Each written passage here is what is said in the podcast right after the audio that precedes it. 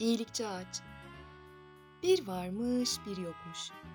Evvel zaman içinde, kalbur saman içinde, pireler berber, develer tellal iken, ben ninemin beşiğini tıngır mıngır sallar iken, okyanusların ardında, rüzgarların içindeki bir ormanda, tek odalı, bir mutfaklı, küçücük bir ev varmış.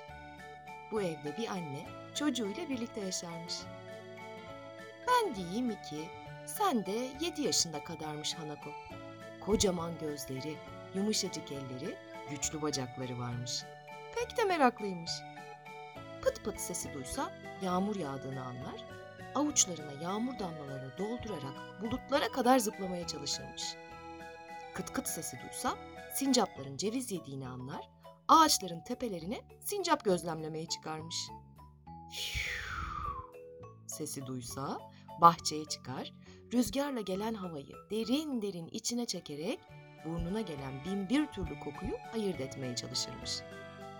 Hanako'nun bu hallerini görmek annesinin çok hoşuna gidermiş.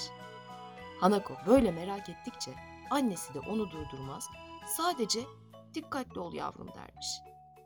Hanako da hem kendisine hem çevresine dikkat eder, her gün yeni bir şeyler öğrenirmiş ormandan, rüzgardan, buluttan, sincaptan. Annesi her bildiğini de öğretmiş Hanako'ya. Dikiş dikmeyi, odun kesmeyi, balık tutmayı, ateş yakmayı. Köyün bilge kişileri de öğretmişler Hanako'ya her bildiklerini. Saygıyı, sevgiyi, özeni, azmi, değer vermeyi ve değer bilmeyi. Yel kovan akrebi kovalamış, gecelerde gündüzleri. Zaman bu kovalamacayla geçerken Hanako büyümüş ve annesi de yaşlanmış. Hanako'nun kendi köyünde öğrenecekleri bitmiş ve köyün bilgeleri Hanako'nun artık başka köyleri görme zamanının geldiğini söylemişler. Hanako saçları pamuk gibi, teni ipek gibi yaşlı annesini bırakıp da bir yerlere gitmek istememiş. Annesini alıp gitse ama annesi başka bir köye gidecek kadar güçlü de değilmiş. En iyisi ben sabah gider akşam gelirim demiş Hanako. Annesi yine dikkatli ol yavrum diyerek uğurlamış Hanako'yu. Hanako hem kendisine hem çevresine dikkat ederek güneş doğarken yola çıkmış, güneş batarken dönmüş evine. Hem de ne dönmek? Kolunda koca bir torba dolusu yemekle. Kurmuş hemen sofrayı, annesiyle birlikte karnını doyurmuş. Komşu köydeki bir bahçede iş bulduğunu, sebzelerle meyvelerle haşır neşir olacağını anlatmış. Meğer topraktan öğrenilecek ne çok şey varmış. O gün tohumla, toprakla, suyla, bitkiyle ilgili öğrendiği ne yeni şey varsa her şeyi annesine bir bir anlatmış. Her sabah gidip her akşam gelecekmiş ve bahçe sahibi de Hanako'ya her akşam bir torba yiyecek verecekmiş. Annesi çok mutlu olmuş bu işe, Hanako da öyle. Öğrenilecek bu kadar çok şey varken komşu köye giden o uzun yol eğlenceli olduğu kadar zahmetliymiş de. Baharda yağmurlarla çamurların içinde bata çıka yürümek, kışın karların buzların üzerinden kayarak gitmek, yazın terlemekten eriyip buhar olup uçacağını düşünmek bile durdurmamış ama Hanako'yu. Hem kendisine hem çevresine dikkat ederek yürüdüğünden yolun tam yarısına geldiğini gösteren bir kestane ağacını bile fark etmiş hemen. Gel zaman git zaman o kestane ağacı Hanako'nun en sevdiği arkadaşı olmuş. Karın kışın ortasında, yolda giderken üşüyüp yorulduğunda kestane ağacının kuruyup düşen dallarını toplayarak ateş yakıp ısınırmış Hanako. Yazın sıcağın nemin ortasında yolda giderken sıcaktan bunaldığında yemyeşil yapraklarının altındaki gölgelikte sırtını arkadaşına yaslayıp uzatır ayaklarını serinlermiş.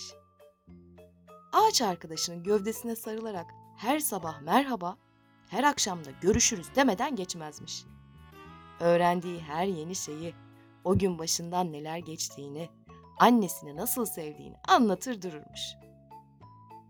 Hanako aslında ağacın ağaç olduğunu, konuşamadığını bilirmiş de dinlediğine, onu duyabildiğine inanırmış. Yağmurlu bir bahar sabahı Hanako çamurların içinde bata çıka giderken çok yorulduğunu hissetmiş. arkadaşına şöyle kocaman bir sarılsa, merhaba dese, sonra sırtını ağacına yaslayıp gözünü birazcık kapasa dinleneceğini düşünmüş. Sırtını ağaca yasladığı anda da gözleri kapanmış ve şöyle bir konuşma duymuş. Meraklı, iyi kalpli ve neşeli Hanako. Sen benim en iyi arkadaşım oldun. Tanıştığımızdan beri beni hiç yalnız bırakmadın. Bir gün bile dolumu da kalbimi de kırmadın. Şimdi söyleyeceklerimi iyi dinle lütfen. Prens kendisi için çok özel bir gemi yapılmasını istemiş. Bu yüzden üç gün sonra benim gövdemden bir gemi yapacaklar. Ayrılacağız ve bir daha görüşemeyeceğiz diye düşünüp sakın üzülme. Sen benim en büyük şansımdın ve şimdi de ben senin en büyük şansın olacağım.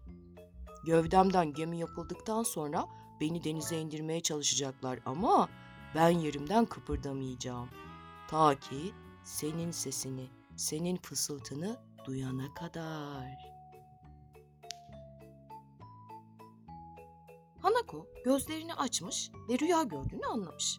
Kalkmış hemen sarılmış ağaç arkadaşına görüşürüz diyerek düşmüş komşu köye doğru yola. Akşam da görmüş ağaç arkadaşını dönüş yolunda. Sabah yine bakmış ki orada. Bir gün geçmiş, iki gün geçmiş derken o rüyadan tam üç gün sonra Hanako yine komşu köye doğru yoldayken uzaktan bakınca görememiş arkadaşının dallarını önce. Yaklaşmış, yaklaşmış ama nafile. Gerçekten de yokmuş orada artık bir kestane ağacı. Kökleriyle birlikte kalkıp gitmiş gibi bomboşmuş ağaç arkadaşının yeri. Çok üzülmüş arkadaşını kaybettiğini. Aklına rüyası gelmiş. Gözünden bir damla yaş süzülmüş. Gözünün yaşını elinin tersiyle silerek devam etmiş yoluna. Bahar bitmiş, yaz gelmiş. Yaz şenliklerinde köyden köye, kulaktan kulağa prensin muhteşem gemisinin ünü yayılmaya başlamış. Vay efendim şöyle güzel bir gemi yapmışlar prens için. Böyle büyükmüş de öyle de sağlammış. Tüm köy halklarının davetli olduğu bir törenle gemiyi suya indireceklermiş. Geminin inşası bitip suya inme zamanı gelince bir şenlik daha düzenlenmiş. Tüm köylerdeki insanların hepsi deniz kenarındaki alanda toplanmış. Hanako da şenliği duyunca diğer herkes gibi bahçedeki işini bırakıp kalabalığın nereye gittiğine bakmış. Gemiyi yapan bütün ustalar, kalfalar, çıraklar da oradaymış. Prens de gemiye yakın ama yüksekçe bir yerden izliyormuş hem gemisini hem şenliği. Eliyle bir işaret vermiş, ustalar kızağın üzerinde gemiyi tutan halatları bir bir kesmeye başlamış. Sonra da gemiyi iterek suya indireceklermiş. Aa, o da ne?